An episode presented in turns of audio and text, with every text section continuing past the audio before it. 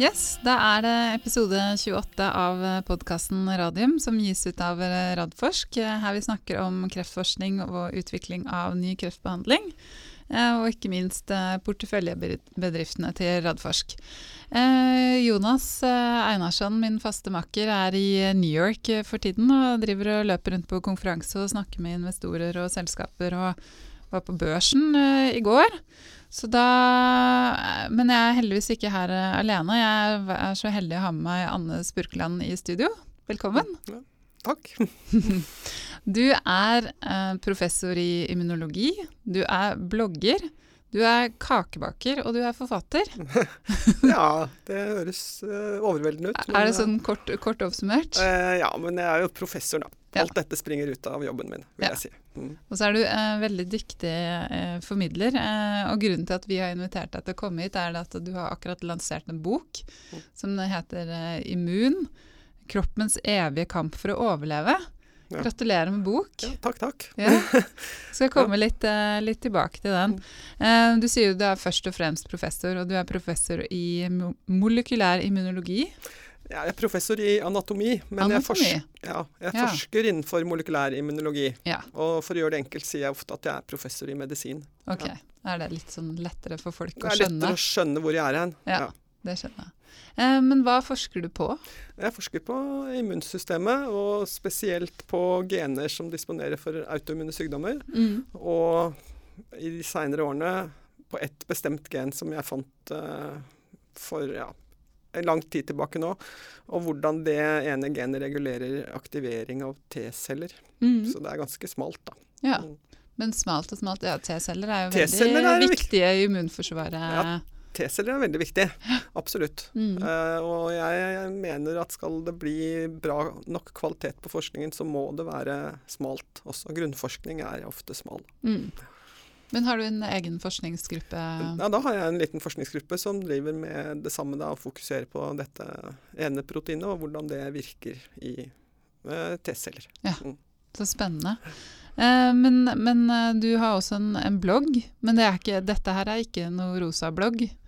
Nei, jeg har faktisk to blogger. Du har to blogger? Den ene, ja. ene bloggen er, er, død. Den handlet om kaker. Mm. og så fikk jeg en stipendiat som kom fra India uh, i 2012, og han hadde googlet meg. Det var etter kakeboken, og mm. han fant bare kaker. Han så bare han kaker, vurderte ja. å si nei til jobben. Oi.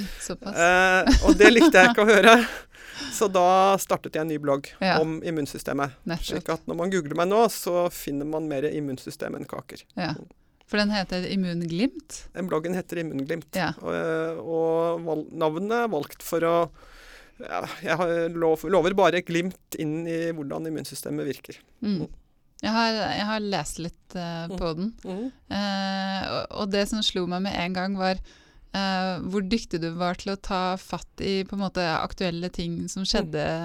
Mm. Sånn som f.eks. når Skam var på sitt mest populære, så ja. skrev du om Nora og William og sammenlignet det med immunsystemet. Ja, ja. Det, det, er, det, er, delvis sånn jeg tenker, at jeg griper fatt i ting som er bare mest framme i tankerekkene mine, og, og, også for å formidle ting som er vanskelig, sammenligne med ting som er mye nærmere og lettere å forstå. Mm. Så jeg skrev også jeg skrev tre blogginnlegg med skam som tema, og det siste eh, Eller kanskje det var det andre. Der, der har jeg sammenlignet eh, skamløs, skamløse ja, jenter med skamløse T-celler. Ja. Mm. Mm. Så immunterapi virker ved å gjøre T-cellene mindre skamfulle. Mm. Um, ja, og så er det denne boken. Eh, hva, hva handler boken om? Hva er, du, hva er, det du, vil fortelle her? For jeg, for jeg, skjønte at det du gjorde på bloggen, det hadde du egentlig tenkt å overføre til bokform, men Ja, så uh, boken er en direkte konsekvens av bloggen fordi uh, ja, jeg hadde skrevet en del tekster. Og uh, i 2013 ble det utlyst et uh, stipend, forfatterstipend for populærvitenskapelig formidling innenfor naturvitenskap. For det er Norge ikke så god på, eller det har vært litt for dårlig på det. Så jeg ble oppfordret til å søke om et stipend der for å skrive bok. Og da var det bloggen jeg brukte som argument og utgangspunkt for prosjektet. Mm. Men når jeg var kommet i gang, så oppdaget jeg jo at eh, bloggtekster lagt etter hverandre i en serie, det fungerer ikke som bok. Det var altfor langt fra hva jeg ønsket å skrive. Så boken er blitt noe annet enn det bloggen er. Mm. Mm. Men, men er det sånn at uh, Altså, jeg har lest deler av den, jeg har ikke lest det hele. Um, men her så tar du for deg immunforsvar og de ulike komponentene, og det er historier og anekdoter og Hvorfor har jeg gjort det sånn? Ja. Nei, det er eh, fordi eh, immunsystemet er uendelig komplisert. Det er enormt masse detaljer. Det er mange konsepter som folk eh, som leser dette, ikke kjenner fra før. Eh, selv immunologer har ikke oversikt over hele eh, feltet, fordi det er så mange detaljer og ting man bør ha oversikt over. Når, og det finnes jo mange gode lærebøker i immunologi. Absolutt. Mye fint man kan kjøpe og lese. Men det er ikke sånn du leser på sengen eh, før du sovner for å bli underholdt. Eh, mens jeg vil gjerne skrive en sånn bok, altså en sakprosabok som underholder og samtidig informerer. Og mer underholdning, i hvert fall i deler av boken, enn det er informasjon. Så eh, Det er derfor det er så mange forskjellige eh, elementer i boken. Jeg bruker meg selv, pasienter, historiske personer. Ja. Mm. Alt sammen porsjonert ut i hva jeg mener er passe doser. Da. Den kan, den kan varmt, eh, varmt anbefales. Um, men du sier det, immunsystemet er veldig komplisert. Altså, forstår vi, forstår vi det fullt ut? Mm, Nei, det, er, det kan vi ikke si at vi gjør. Eh, vi forstår eh, mye. Og en av grunnene til at jeg skrev boken nå, og ikke har hatt lyst til å skrive boken før, er at jeg føler at nå har vi kommet til en forståelse, et nivå av forståelse av hvordan immunsystemet fungerer, som, som er sånn at vi kan begynne å snakke om det også på en overbevisende måte til eh, folk som ikke har dette som jobb. Mm. Og sånn var det ikke da jeg begynte øh, som student selv. Og også som stipendiat så var det mye som var fortsatt uklart. Vi visste jo ikke heller hvor mye vi ikke visste. Nei. Det er jo interessant at, ja. at en del av det vi vet nå, visste vi ikke om at vi ikke engang visste, ikke visste Mm. før. Uh, uh, og det betyr jo at vi vet jo ennå ikke hva vi fortsatt ikke vet.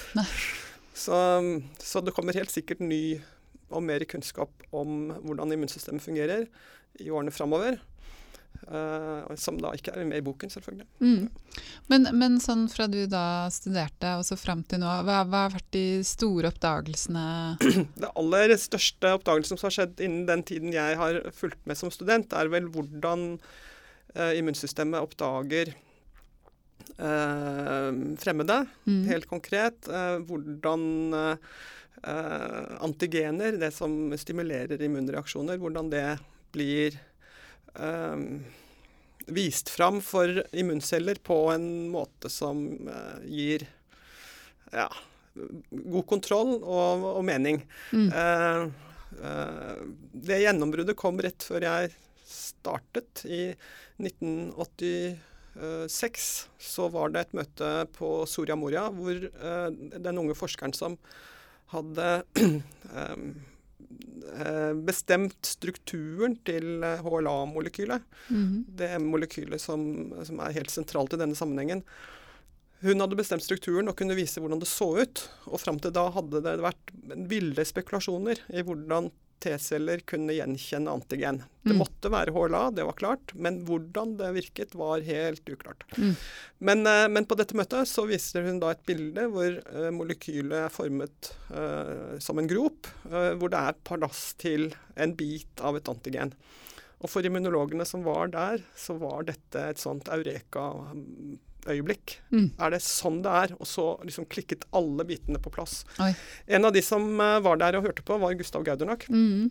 Han var vel eh, på den tiden nærmet seg 40 år. Mm. Og eh, hadde vært opptatt av eh, kreft og immunsystemet lenge. Men da han hørte og, og så bildet av HLA-molekylet, så innså han nærmest umiddelbart at det går an å lage vaksiner mot eh, muterte proteiner. De eh, proteinene som gjør at en kreftsvulst eh, begynner å utvikle seg. Mm. Eh, så hvis man bare laget lange nok biter av det aktuelle proteinet med mutasjonen i midten, så skulle det være mulig å dekke opp alle mulige varianter av hvordan dette kan presenteres til T-celler. Så det begynte han med ganske snart etterpå, Mm. og har vært hans karriere fra da. Så, så for han var dette et turning point, og for Mm. veldig mange andre. Så spennende. Akkurat det visste jeg ikke. Jeg, jeg Mm. møter jo Gustav stadig vekk. Ja, For han jobber jo for eh, Ultimax, eh, et av selskapene som sitter der hvor jeg har kontor. ja, ja. Og da kan du si at det, det han har drevet med siden, eh, har direkte sammenheng med hvordan vi da forstår hvordan antigener blir vist fram i immunsystemet. Mm. Så et annet stort gjennombrudd som har vært de seinere årene, i, i litt nyere tid, det har vært eh, hvordan immunreaksjoner starter opp. Mm. Altså hvordan eh, oppdager immuncellen at det er nødvendig å reagere. Eh, og det var et eksempel på et spørsmål hvor veldig få hadde tenkt at det var nødvendig å stille spørsmålet. Det var, liksom, det var ingen som tenkte dypt nok. Nei. Eller mange som ikke tenkte dypt nok. De Men bare noen, tok det for gitt at Ja, dette skjedde. Ja. Ja. men noen tenkte Mm. videre på det. Og eh, en av dem var en eh, forsker som heter Polly Matzinger, som eh, ikke kunne forstå hvordan det var mulig at en uerfaren T-celle skulle bry seg om noe som helst før den hadde blitt stimulert til det. Så hennes eh, nøkkelspørsmål er 'What is turning a virgin T-cell on?' Mm. Um, og hennes svar på det var at det må være signaler fra kroppen, fra cellene rundt uh, det skadede stedet, som sier fra at her må noe gjøres. Mm. Eh, en annen forsker på samme tid eh, hadde tenkt i lignende baner, men var mest opptatt av mikrobene. Og han også mente det måtte være signaler fra mikrobene som ga beskjed om at immunsystemet skal reagere. Mm. Og begge to har hatt rett, og det har vist seg også vært en veldig fruktbar eh, utvikling. Eller, altså, det har gitt en, en eksplosjon i Mm. forståelse av hvordan betennelse starter og Mm. vedlikeholdes. og Eh, Noe som jeg også har sett har vært veldig aktuelt de siste årene, og hvor man helt tydelig ikke har kommet til bunns, er dette med mikrobiota, altså tarm, tarmbakterier, og tarmflora. Det har du egentlig rett i. at eh, Hvis man skal tenke på hva er det nå framover som er, eh, hvor vi kan regne med at det kommer mye ny kunnskap, så er det forholdet mellom bakteriene vi har i tarmen og immunsystemet, og hvordan de gjensidig påvirker hverandre, det er vel noe av det heftigste forskningstemaet for immunologer også nå. Mm. Og stadig vekk nye rapporter med korte overskrifter i Dagbladet og VG. Et eller annet om eh, bakterier gir deg Alzheimer, bakterier gir deg hjerteinfarkt, Ja. bakterier gir deg autisme. Det er ikke ting som ikke bakteriene i tarmen nå får skylda for. Mm. Eh, Foreløpig så er dette et eh, litt eh, hva skal vi si, tåkete felt. Mm. Så det er jo ikke alt som påstås som kommer til å kanskje holde helt vann. Men, eh, men eh, der regner jeg med at det kommer mye mer ny kunnskap. Og som professor og med kontakt med medisinstudenter, så, så har jeg de seinere årene sett det som min oppgave å fortelle dem om dette. Dette Mm. er medisin dere må forholde dere til, så bare vend dere til mikrobiomet med en gang. og, og skjønn at dette må dere følge med på. Mm. Det står jo ennå ikke noe om det i lærebøkene. Nei, nei, nettopp. For det tar vel alltid litt, Ja, eh, det- tid, litt tar- lag der. Det er det absolutt. Ja. Eh, men betyr det også at, eh, at eh, ja, altså, Vi vet jo det at det, det vi spiser har en betydning, men har det en betydning på en helt annen måte da, enn det vi har tenkt før? Hva skal vi si? Eh, det er jo mange som altså, Vi har jo vært klar over at maten betyr noe. Det er mer hvordan vi tenker om det helt konkret. Eh, og jeg har et eksempel om det i boka, hvor Mm. jeg forteller om eh, tarmen, tarmslimhinnen, immunsystemet i tarmen, og at det påvirkes av stoffer vi spiser, altså av maten vi spiser. Um, og hvor, eh, hvor forskere har sett hos mus helt direkte at hvis du fjerner det og det fra dietten, så forsvinner også de og de immuncellene i tarmveggen. Mm. Og da blir det så overbevisende for meg, i hvert fall, som forsker, at da liksom sånn OK, her har vi en konkret sammenheng. En, ja, en konkret sammenheng. Mm. Og da går det også an å gå ut med en anbefaling om å si OK, dette stoffet fins i brokkoli. Mm. Så hvis du spiser brokkoli, så gjør du at tarmveggen din faktisk blir mer eh, ja, tettere, bedre forberedt. Da, jeg liker ikke å ta ordet i min munn, men styrke immunforsvaret. Det gir litt mening når du tenker på brokkoli og hva slags effekt stoffer i brokkoli kan ha på tarmveggen. Mm. Ja. Ja, for det, det, her, det, har jeg lagt merke til. Styrke i immunforsvaret, det er ikke et begrep som du er innmari glad i? Nei, det liker jeg veldig dårlig. Og det prøver jeg å gjøre tydelig i boken uten at jeg liksom maler det ut. Jeg, jeg prøver å vise hvordan det er. Um, og har et eget kapittel om hvordan immunsystemet kan direkte skade.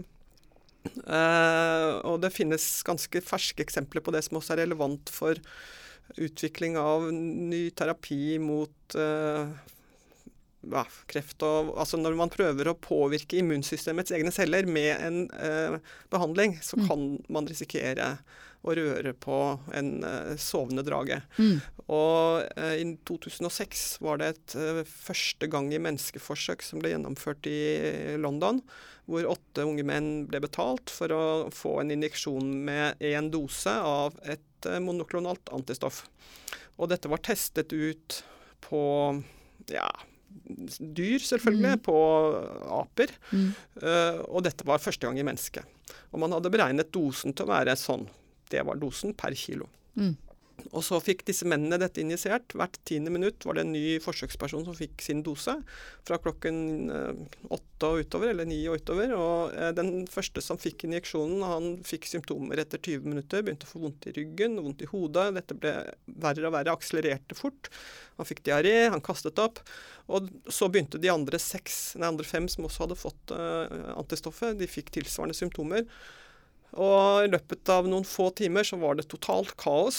Eh, den, legen, ansvarlige legen prøvde det beste han kunne å dempe symptomene, mm. men det endte med at alle seks var innlagt på intensiven eh, etter tolv timer. Og mm. der ble de værende. Én ble på intensiven i fire måneder. Oi. De andre var der i noen dager. Mm. Og Hva var det som skjedde her, da? Hva som skjedde? Dette antistoffet rettet seg mot CD28 på T-celler. Og meningen var at det skulle um, dempe T-cellene skulle være en immundempende behandling. Mm. Eh, men det virket helt motsatt. Det aktiverte alle T-cellene som bandt seg til antistoffet, og dosen var så stor at alle T-cellene i sirkulasjonen fikk antistoffet og ble aktivert. Så det var som å slippe løs en atombombe i sirkulasjonen. Det, ja, det var ingen bakterier involvert, men, eh, men, reaksjonen var immunsystemets egne virkemidler som var satt eh, totalt ut av kontroll. Mm. Og det gikk utover blodtrykk, over lungene, all mikrosirkulasjon, altså kapillærene, ble tettet igjen, ble lekk. Eh, de, den mannen som ble værende lengst på sykehus, mistet flere fingertupper og alle tærne yes. pga. nekrose. Mm. Så, og alle var livstruende syke.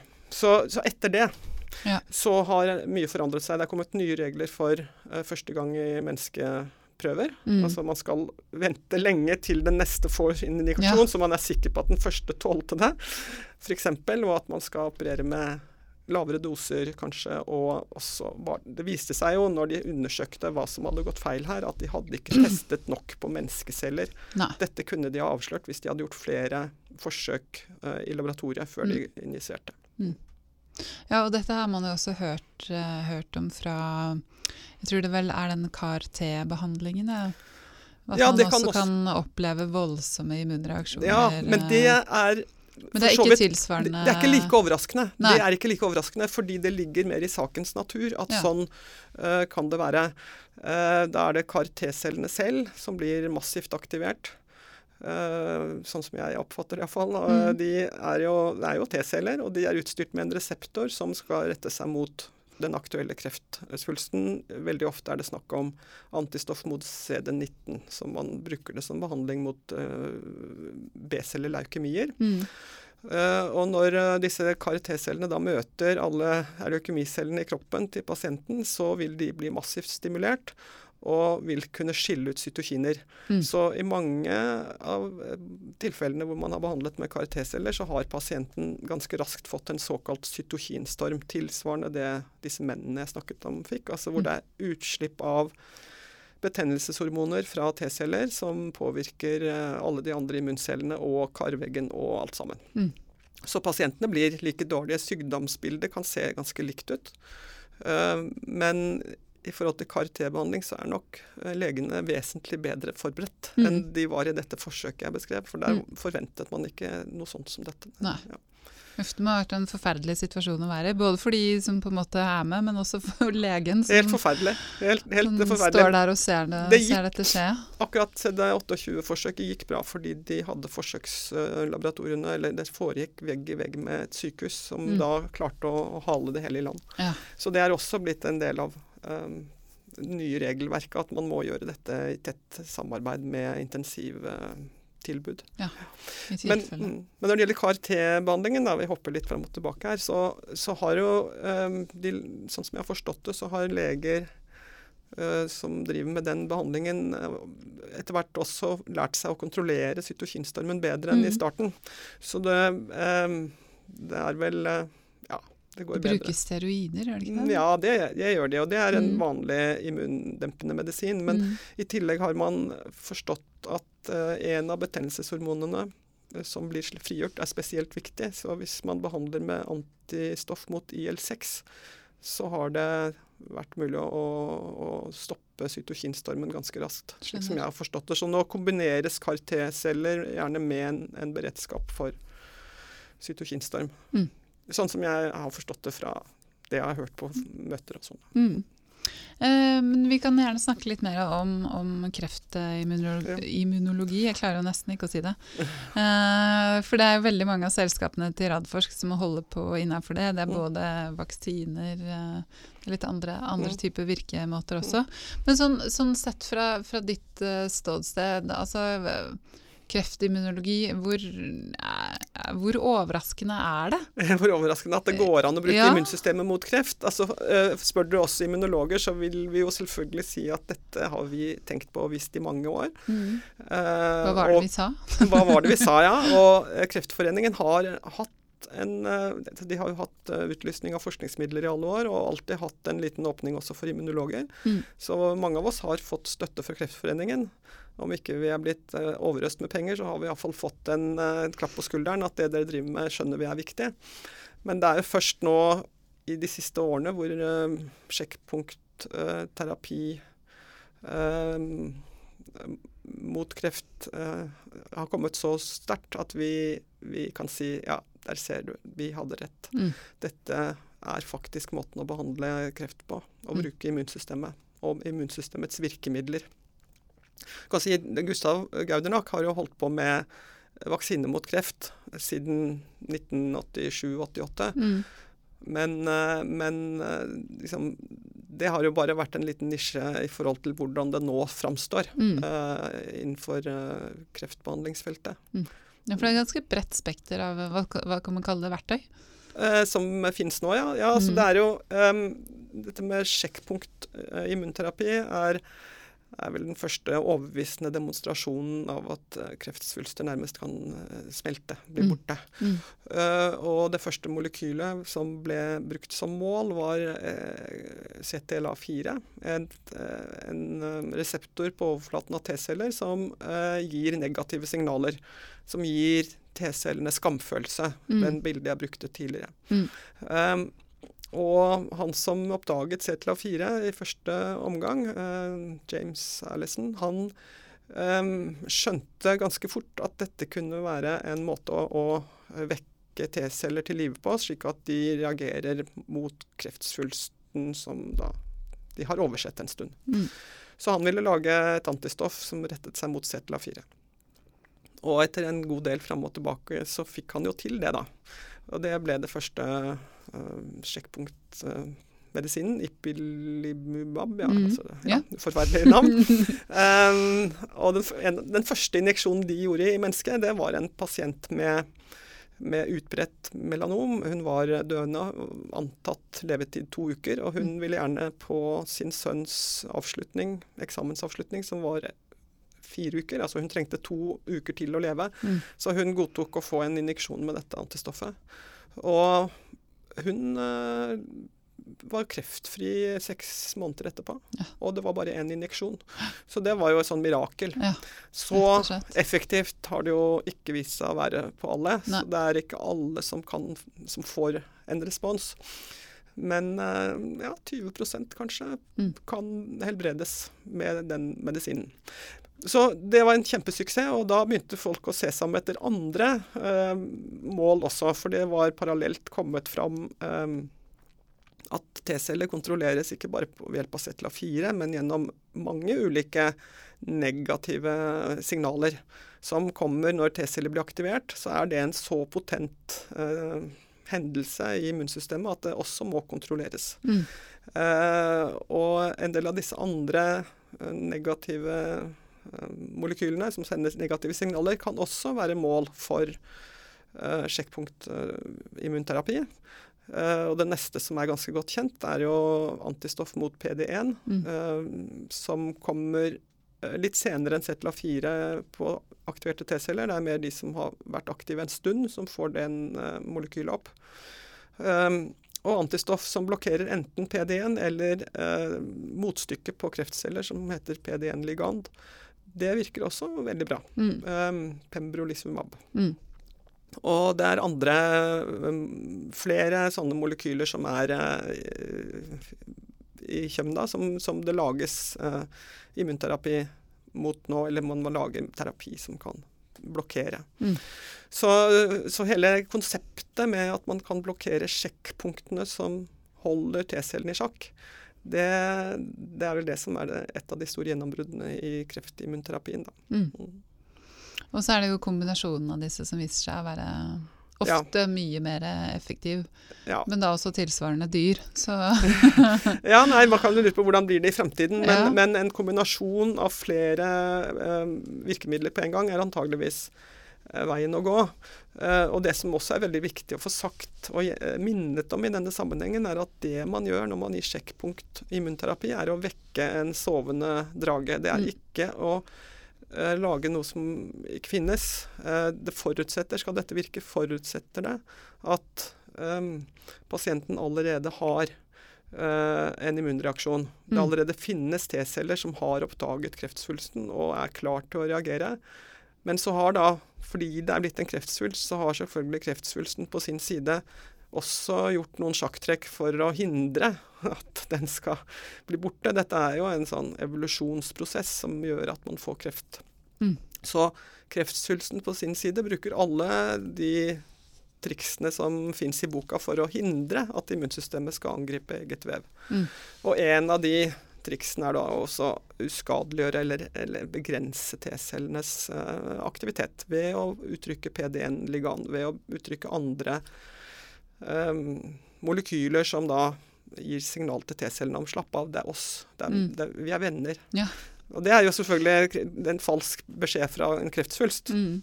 Men uh, det, hvis du kan blokkere den beskjeden, så vil T-cellen allikevel gå til angrep. Mm. Men hvis du har en kreftsvulst hvor det ikke har vært noen T-celler som har reagert i utgangspunktet, så virker ikke disse medisinene. Og det er jo uh, derfor såpass mange allikevel ikke har effekt Mm. av dem. Så, um, så, det å finne ut av hvilke pasienter er det som kan ha nytte av dette, vite på forhånd at denne svulsten har mange T-celler i seg, det trenger bare å verke de, og denne har det ikke, den er ingen T-celler, så vi kan spare pengene og ikke bruke det på denne pasienten. Det er vel én ting som kan være framtidens uh, strategi. Mm. Og så er det noe som Gustav Gaudernack påpeker i boken, nemlig at det å kombinere eh, strategier her, da.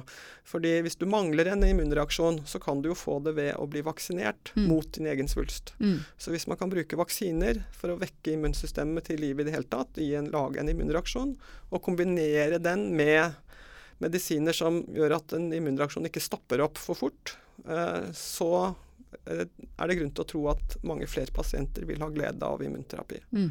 Mot kreften sin. Mm. Jeg tror det er, det, er ikke det konseptet som heter å gjøre kalde svulster varme? Ja. ja. Det, Mhm. det er, og det er det, det er det som kanskje er det heftigste nå, å Mm. få til de kombinasjonene. Uh, og, og hvor, det er vel for tidlig å si hvor langt man kan lykkes, for det er Mm. vel sånn man holder på med nå. Og, Mm. og så er også spørsmålet hvordan skal man gjøre en kald svulst varm? Hvordan skal man faktisk immunisere? Det er jo mange forskjellige måter å tenke rundt det på, som f.eks. Gustav har holdt på med i mange år, Mm. men som nå kan kombineres med uh, sjekkpunktterapi. Mm. Men, men du sier at det, det er en evolusjon, og da tenker jeg sånn uh, kan kreften da bli for smart igjen for uh, immunforsvaret? Ja. I så fall, det er jo skummelt. Altså Ja, altså det, det, det, er jo sånn det er at, at, at, når du har fått en pasient som har kommet i remisjon pga. sjekkpunktblokkering, så kan det være at kreften er borte for godt. Mm. Det kan man håpe på. Men man kan jo egentlig ikke vite det sikkert før man har observert vedkommende lenge nok til at ikke noen luringer har gjemt seg og så vokser opp i det skjulte. Mm. Um, så ja. Eh, det som kjennetegner en kreftsvulst, er jo at den er veldig heterogen. Den består av mange ulike celler som uh, har gått i forskjellige retninger. Uh, mutert i forskjellige retninger. Og, og noen av de kreftsvulstene, eller cellene, vil være enkle å ta med cellegift, mm. så de drepes på den måten. Noen kan drepes av T-celler fordi de viser fram hva de har inni seg, så de har HLA-molekyler på overflaten. Men hvis, hvis kreftsvulsten da endrer seg slik at de ikke lenger viser fram hva de har inni seg, ja, da har man kanskje NK-celler, som er immunsystemets eh, andrelinjeforsvar. Uh, eh, NK-celler dreper alle celler som ikke viser fram hvem de er. Så hvis da kreftsvulsten klarer å komme seg unna alle disse tre elementene, så ja, da Det er, det er mulig. Får håpe den ikke skjønner det. Du, du, har en, du har jo et eget kapittel om, om immunonkologi i boka di. Og Der hadde du en fin historie om uh, Ralf Steinmann. Kan du ikke fortelle det? Ralf Steinmann, ja.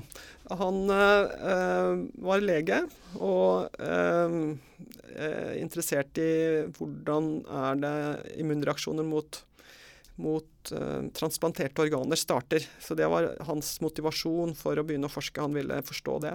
Og underveis da så fant han en ny type celler som ikke var så veldig mange av i kroppen, men som hadde lange forgreninger, og som uh, han kalte dendritiske celler. Og disse dendritiske cellene har da vist seg å være helt uh, sentrale for å sette i gang immunreaksjoner, ikke bare mot ikke bare mot transplanterte organer, men mot uh, alle fremmede ting som kommer inn i kroppen. Uh, så dette brukte han livet sitt på. Og da han var 63, eh, så vidt jeg husker, så fikk han en pankraskreft med den var vel ikke spreden, det var nok ikke det, men han fikk pankraskreft, buk, kreft i bukspyttkjertelen. Mm. Og det er en kreftsykdom som da var, innebar en dårlig prognose, og jeg vil si at fortsatt så er det en dyster uh, diagnose å få. Mm. Um, forventet levetid i hans tilfelle var seks måneder. Uh, og han uh, satte seg ned og tenkte at nei, han ville ikke gi seg uten kamp, så han laget sin egen sykdom til et forskningsprosjekt som hadde én person, nemlig han selv. Mm. Og så kalte han inn sine, to, to, av sine gamle studenter som hadde etablert seg på hver sin kant og drev laboratorier med ja, relevante, relevante temaer. De tre satte seg ned og tenkte ut hva skal vi gjøre nå. Han skulle opereres. De måtte sikre seg selv cellene fra svulsten, så de kunne bruke til forskjellige ting etterpå. De eh, bestemte seg for å prøve å bruke dendritiske celler som vaksine eh, osv. Så, så de har laget en plan eh, for hvert og med behandling som ikke var etablert på noen måte. Så de måtte søke om eh, tillatelse fra Food and Drug Administration i USA, som var med på prosjektet, så de var veldig raske med å gi tillatelser til mm. behandling. Så han var i løpet av fire år var han gjennom åtte ulike immunterapier mot sin egen kreft. Mm. Uh, og tre av de baserte seg på dendritiske celler, de cellene han hadde funnet og forsket på. Mm. Um, han uh, deltok aktivt som forsker selv, var med på møter og holdt foredrag og, og, og sånn underveis i denne prosessen.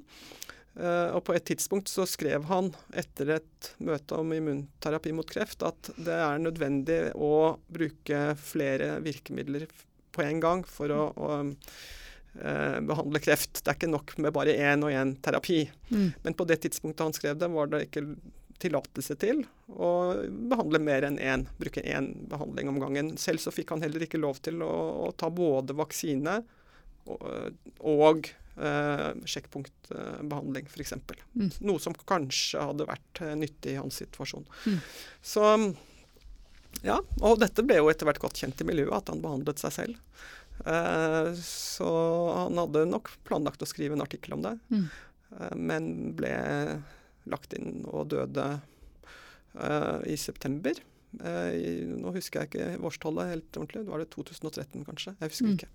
Men, men, i hvert fall tre dager etterpå så fikk han tildelt nobelprisen i medisin. Og det var da ikke kjent at han var død. Nei. Slik at uh, Nobelkomiteen etter litt uh, fram og tilbake bestemte seg for at han fikk beholde nobelprisen. Mm. Ja, for det går ikke til folk når de Nei. er døde? Hvis de hadde visst at han var død, så ja. hadde de ikke gitt han prisen. Nei. Men han levde da i, i seks ekstra år, eller? Uh, nei, han, han, fikk fire år ekstra. fire år ekstra, ja. Ja. Så han levde vesentlig lenger enn prognosen i utgangspunktet. Mm. Og så er spørsmålet hjalp det han at han eh, gjennomgikk disse behandlingene, eller ville han ha levd like lenge mm. uten? Um, det er ikke lett å vite, for man har ikke noe kontroll. Uh, de som hjalp han med dette, vil ikke si bastant at det er sikkert at det hjalp. Mm. Um, men uh, han hadde utvilsomt en immunreaksjon mot kreftsvulsten sin. Så mm. i blodet hans fantes det kanskje så mye som 10% av T-cellene var rettet mot kreftsvulsten hans ja. eh, på et tidspunkt. Så eh, ja. Han, han, har i hvert fall klart å aktivere ja, immunsystemet sitt? definitivt klart å aktivere immunsystemet. Og ja. det er jo fristende å tro at det hadde en betydning. Mm. Mm. Um, siste jeg tenkte vi skulle snakke litt om, var dette her med autoimmune sykdommer. Ja. Uh, hva er det som skjer? Ved autoimmune sykdommer så klarer ikke kroppen å skille mellom det som er fremmed og det som er uh, kjent, nemlig kroppen selv. Mm. Uh, og um, det er Når ikke det skillet er tydelig, så vil immuncellene kunne begynne å produsere sine forsvarsstoffer og reaksjoner rettet mot kroppen. Mm. Og um, ja, så når vi snakker om Du nevnte i stad det med å styrke immunsystemet. Hvorfor jeg er så hissig på at uh, det er et uh, lite meningsfylt ord. Så handler det også om dette. At et sterkt immunsystem må fortsatt klare å skille mellom det som er fremmed og det som er eget. Mm. Og uh, det er, og det er det du er interessert i. Du er interessert i et immunsystem som klarer det skillet, og det avgjøres av gener og ikke av piller. Mm. Så det er genene du er født med som avgjør om uh, du har et immunsystem som klarer det der. Mm. Um, ja. Så, så, det er på en måte den motsatte siden av kreft. Uh, ved kreft så vil du at immunsystemet skal oppdage at noe er feil med kroppens eget vev, men ved autoimmune sykdommer så vil du at, kroppen, at immunsystemet skal overse friskt og normalt eget vev. Mm. Men um, en bekjent av meg som hadde, hadde kreft uh, da mm. han var yngre, han fikk beskjed om at det var uh, sannsynlig at han kanskje kunne få leddgikt. Oppleve det Er det noe kobling der? I forbindelse med kreften? Ja, eller sånn etter, etter, at han var eh, frisk, da. Men at det kunne komme opp senere. Det er jo en autoimmun sykdom. Ja, er det noe kobling der? Jeg klarer, jeg klarer, ikke helt å ta det Nå i forbindelse med immunterapi mot kreft, så er det en, en, en bevirkning som begrenser bruken av det. Mm. Så når du tar bort Når du gir en pasient eh, antistoff mot CTLA4 eller PD1, som vi har snakket om nå, mm. så er en, en, bivirkning som er en utfordring, det er at eh, også de T-cellene som har en reaktivitet mot kroppens eget vev, og som har vært holdt i sjakk av CTLA4 og av PD1-signalene, eh, de har vært skamfulle. Mm. Uh, og du har vært frisk. Men så fjernes den hemningen. Så, så, så, denne medisinen skiller ikke på om T-cellene dine bryr seg om kreftsvulsten, eller om de reagerer på leddene dine eller uh, cellene i bukspyttkjertelen, eller hva det er. Mm. Så, så alt som da kan reagere på eget vev, vil bli eh, mer aktivt. Mm. Og, og, listen over autoimmune sykdommer eller fenomener som kommer i kjølvannet av immunterapi mot kreft, den er ganske lang. Altså, ja. Det er mye forskjellig folk har opplevd, men særlig eh, leddsymptomer og leddgiktlignende sykdomsbilder. Mm. Mm. Nettopp. Så det så, er noe man må være obs på da? Ja, man må være innse at sånn er det. Og hvis du skal velge mellom en eh, kreftsvulst som dreper deg helt sikkert, ja. eller en autoimmun sykdom som reduserer livskvaliteten din, så ja. vil de fleste vil iallfall en stund akseptere eh, litt leddsmerter, hvis mm. det kan fjerne kreftsvulsten. Mm. Så et stykke på vei kan vi akseptere disse bivirkningene. Eh, men det er jo en, en, utfordring. Samtidig så viser det jo meg, da, som er mest interessert i autoimmunitet, selv om jeg også er interessert i kreft, eh, at uh, igjen, vi har rett. Uh, immunsystemet skal skille mellom fremmed og eget. og når vi ikke reagerer på eget vev, er det fordi det er mange sikkerhetsmekanismer som er på mm. plass. Mm. Og fjerner du noen av de, da får du også en autoimmun reaksjon. Mm. Så, så, vi skal ikke styrke immunsystemet, vi skal ha det klokt mm. og i mm. balanse. Det ja. er det vi skal ha. Ja. Balanse er jo det man bør etterstrebe på, på de fleste områder her i livet. Du, eh, jeg kikka så vidt innom eh, bloggen din før vi møttes nå, og jeg ser at uh, du skal jo ut en del steder og, og snakke om boken din. Tenkte sånn i forhold til hvis folk har lyst til å høre, høre mer. Ja, så, så må du gjerne ta en liten reklame på slutten her nå. Nei, altså jeg, jeg vil jo selvfølgelig gjerne at boken boken skal bli kjøpt og lest. Jeg tror mange vil ha glede av å lese den. Mm, um, absolutt. Og uh, jeg har tenkt å bruke litt tid på å reise og snakke om boken, så uh, jeg skal til Nord-Norge om et par uker og være innom Bodø, Ørnes, Levanger, Trondheim. Og etter jul skal jeg til Tynset, og jeg skal til Rogaland. Jeg skal på turné i Rogaland en hel uke. Så der Oi. kan man faktisk, eh, eh, hvis man bor i Rogaland, mm. så kan man sende inn ønske om at jeg vil ha besøk av professor Spurkland. For der er ikke programmet klart ennå. Der er Skjønner. det på bestilling. Ja.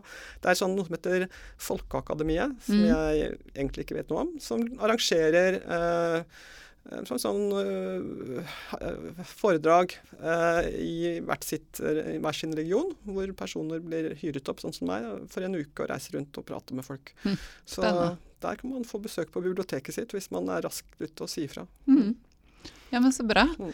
Eh, da tror jeg vi bare skal avslutte med å si tusen takk for at du kom i studio. Eh, også anbefale å, å, lese boken. Det er absolutt passende sengelektyre. For de aller fleste som er interessert i å lese en bok, vil jeg si. Man må ja. orke å åpne boken, men deretter håper jeg at boken på en måte er interessant nok til at det, at det er morsomt å lese det meste som står der. Ja, mm. det kan jeg skrive under på. Jeg har ikke lest hele, men jeg har lest en god del. Takk skal okay. du ha. Ja, takk for at jeg fikk komme.